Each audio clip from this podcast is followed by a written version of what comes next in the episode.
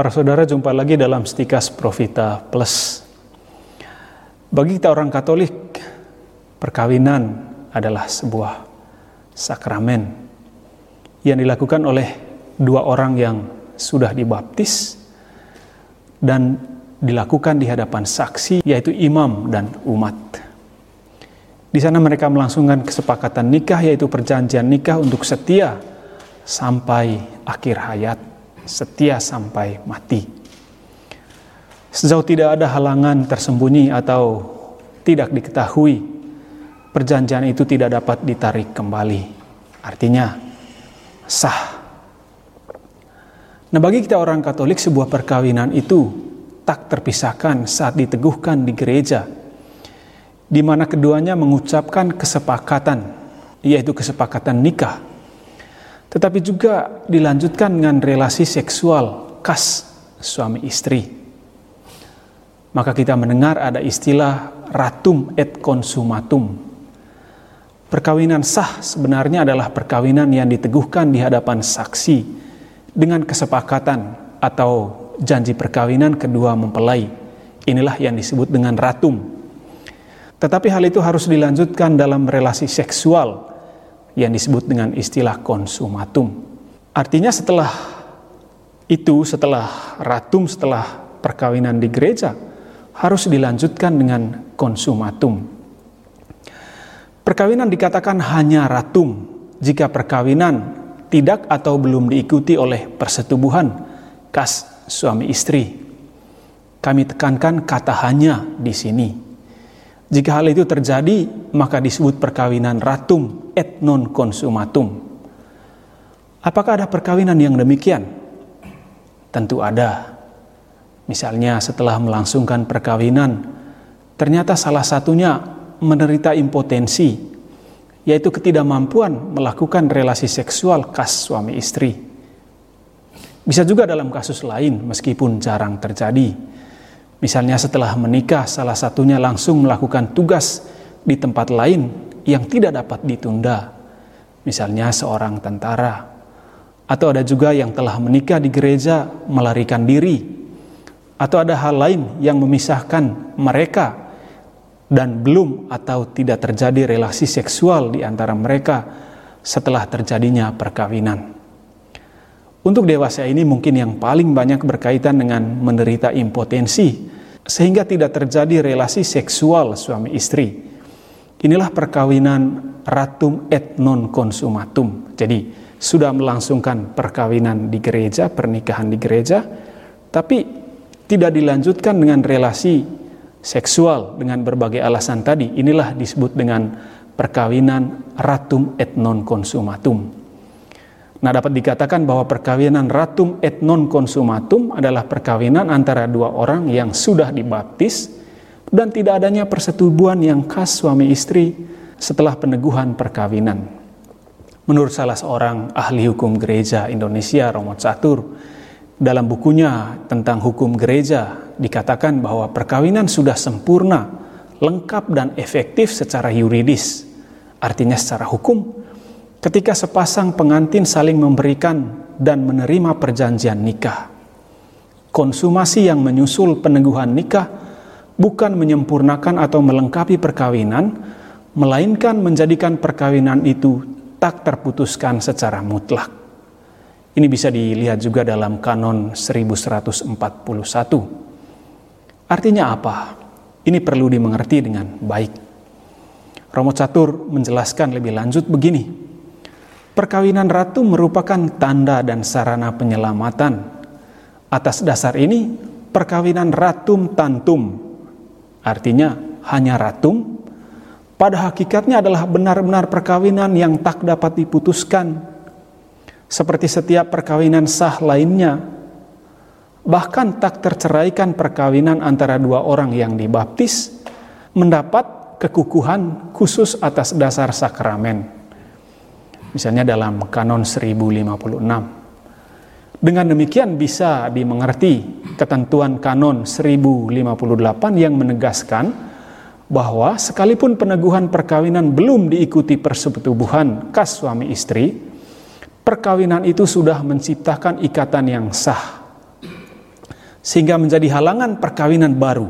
Ya. Ini harus dimengerti dengan baik.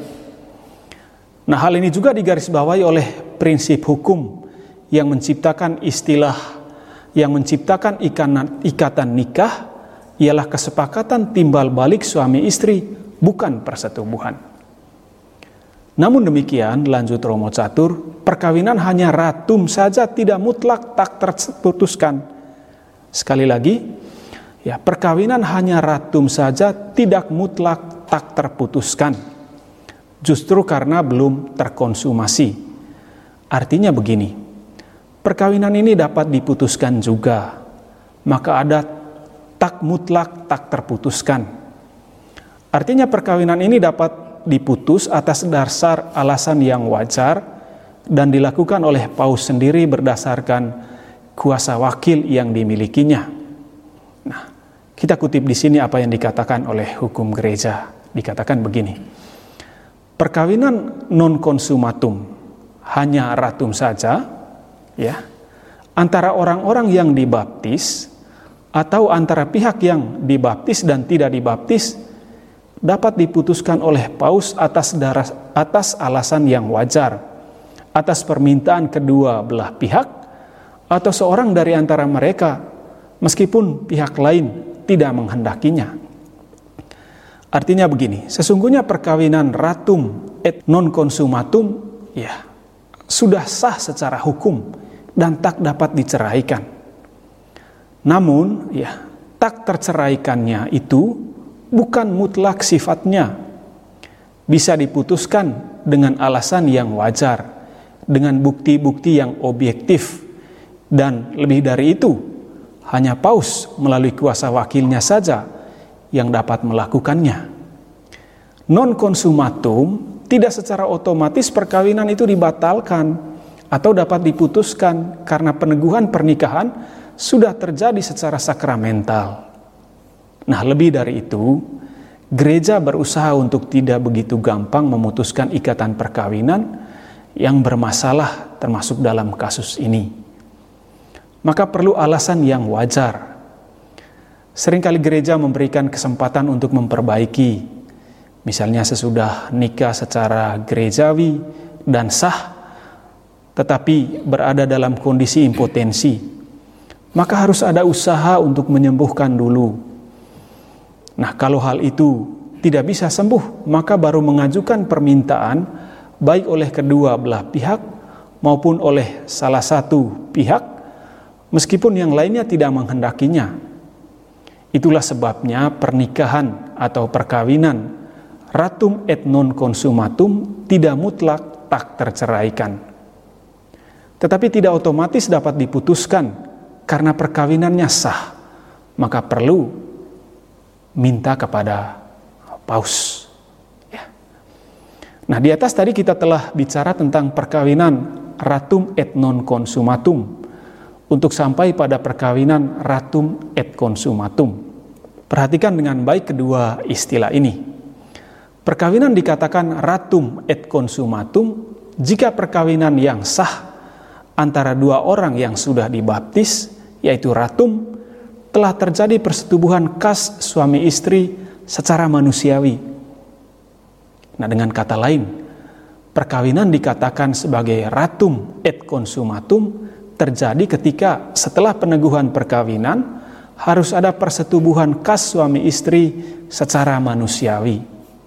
Nah, apa maksud secara manusiawi di sini? Ya, artinya persetubuhan harus merupakan sebuah tindakan kas pribadi manusia. Nah, istilah teologinya disebut dengan actus humanus yang dilakukan dalam kesadaran, dalam kebebasan batiniah baik dari pihak suami maupun dari pihak istri. Karena itu persetubuhan yang terjadi karena paksaan atau perkosaan fisik tidak dapat mengkonsumasi perkawinan karena pasangan tidak dimungkinkan melakukan tindakan yang benar-benar sadar dan bebas. Kalau dalam perkawinan ratum et non consumatum berlaku prinsip tak mutlak tak terceraikan, maka dalam perkawinan ratum et consumatum berlaku prinsip mutlak tak terceraikan. Artinya pernikahan yang demikian tak dapat dipisahkan oleh alasan apa pun kecuali oleh kematian. Lalu pertanyaan kita, mengapa dalam gereja Katolik konsumatum, yaitu berkaitan dengan relasi seksual kas suami istri itu sangat penting? Pertanyaan ini berkaitan dengan makna seksualitas dalam hidup manusia atau suami istri pada khususnya. Tentang hal ini saya ingin mengutip kata-kata Paus Fransiskus terutama berkaitan dengan relasi seksual suami istri, tetapi dalam hubungannya dengan perkawinan ratum et consumatum. Paus mengatakan begini, hubungan seksual yang dihayati dengan penuh cinta dan dikuduskan oleh sakramen pada gilirannya menjadi jalan pertumbuhan dalam hidup rahmat bagi pasangan. Ini adalah misteri perkawinan. Makna dan nilai dari kesatuan fisik mereka dinyatakan dalam kata-kata persetujuan ketika mereka saling menerima dan memberikan diri satu sama lain untuk berbagi seluruh hidup. Kata-kata ini memberi makna pada hubungan seksual dan membebaskannya dari ambiguitas apa pun. Dalam hal ini relasi seksual suami istri dalam perkawinan Katolik harus dipandang sebagai ungkapan relasi cinta timbal balik, bukan suatu ungkapan hawa nafsu. Perkawinan yang dirayakan harus dilanjutkan dalam relasi ini. Sebab Allah sendiri yang menciptakan seksualitas yang merupakan anugerah yang mengagumkan untuk ciptaannya. Ketika ia mengolah anugerah ini dan menghindari penyimpangannya. Hal itu untuk mencegah pemiskinan nilai yang otentik. Nah, sesungguhnya dalam Amoris Laetitia, Paus Franciscus mengutip hal ini dari Santo Yohanes Paulus II. Mungkin hal ini dapat mengubah cara pandang kita mengenai seksualitas dalam hidup suami istri. Kedua paus ini, Paus Franciscus dan Yohanes Paulus kedua berusaha menempatkan hal ini bukan sebagai sesuatu yang jahat atau sesuatu yang tabu atau hal yang rahasia, tetapi sebagai karunia Tuhan untuk orang-orang yang menikah. Pos Fransiskus mengatakan begini, Santo Yohanes Paulus kedua menolak gagasan bahwa ajaran gereja mengarah kepada pengingkaran nilai seksualitas manusia atau bahwa gereja hanya menoleransi seksualitas karena itu perlu untuk keturunan. Kebutuhan seksualitas suami istri bukanlah sesuatu yang harus dipandang rendah dan tidak ada cara apa pun untuk mempertanyakan kebutuhan itu. Untuk mereka yang takut bahwa pembinaan gairah dan seksualitas mengurangi spontanitas cinta kasih seksual, Santo Yohanes Paulus II menjawab bahwa manusia dipanggil kepada spontanitas hubungan yang penuh dewasa, yang merupakan hasil bertahap penegasan dorongan hati seseorang. Hal ini menuntut disiplin dan penguasaan diri, karena setiap pribadi manusia harus belajar dengan ketekunan dan konsistensi tentang makna tubuhnya. Seksualitas itu bukan alat pemuasan atau hiburan. Seksualitas adalah bahasa hubungan antar pribadi di mana pihak lain ditanggapi dengan serius dalam nilainya yang suci dan tak terganggu gugat. Dengan demikian, dapat dikatakan bahwa hati manusia berpartisipasi dalam spontanitas lain. Dalam konteks ini, erotisme tampak sebagai perwujudan seksualitas manusia yang khas. Di dalam seksualitas itu, kita dapat menemukan makna perkawinan dari tubuh dan martabat sejati dari anugerah Tuhan. Maka dalam katekesenya tentang teologi tubuh, Yohanes Paulus II mengajarkan bahwa korporealitas atau kejasmanian seksual tidak hanya penting sebagai sumber kesuburan dan keturunan, tetapi juga memiliki kemampuan mengungkapkan cinta. Cinta di mana pribadi manusia persis seperti suatu anugerah, suatu erotisme yang lebih sehat Meskipun erat hubungannya dengan mengejar kesenangan, selalu melibatkan rasa kagum. Dan karena alasan itulah dapat memanusiawikan berbagai dorongan tersebut. Dengan demikian, tidak dengan cara apa pun, kita dapat menganggap dimensi erotis cinta kasih sebagai kejahatan yang diperbolehkan atau sebagai beban yang ditanggung demi kebaikan keluarga. Sebaliknya dimensi ini harus dilihat sebagai karunia dari Allah yang memperindah perjumpaan pasangan suami istri. Sebagai gairah yang disublimasikan oleh cinta yang mengagumi martabat yang lain.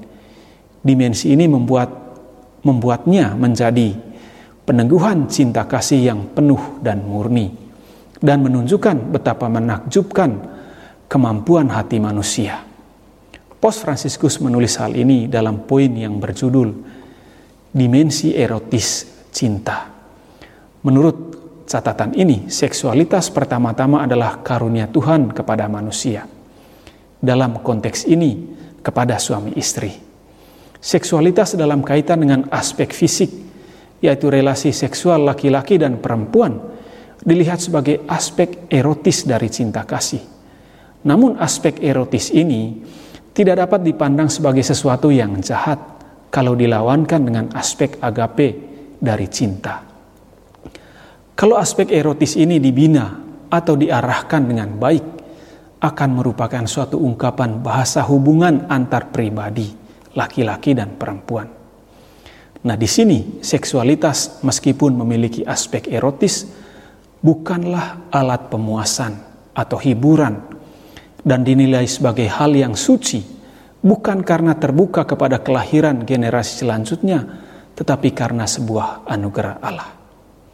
Seksualitas yang berkaitan dengan tubuh manusia bukan hanya penting karena menjadi sumber kesuburan tetapi mengungkapkan cinta Seksualitas yang demikian adalah suatu erotis yang menuntut disiplin dan penguasaan diri.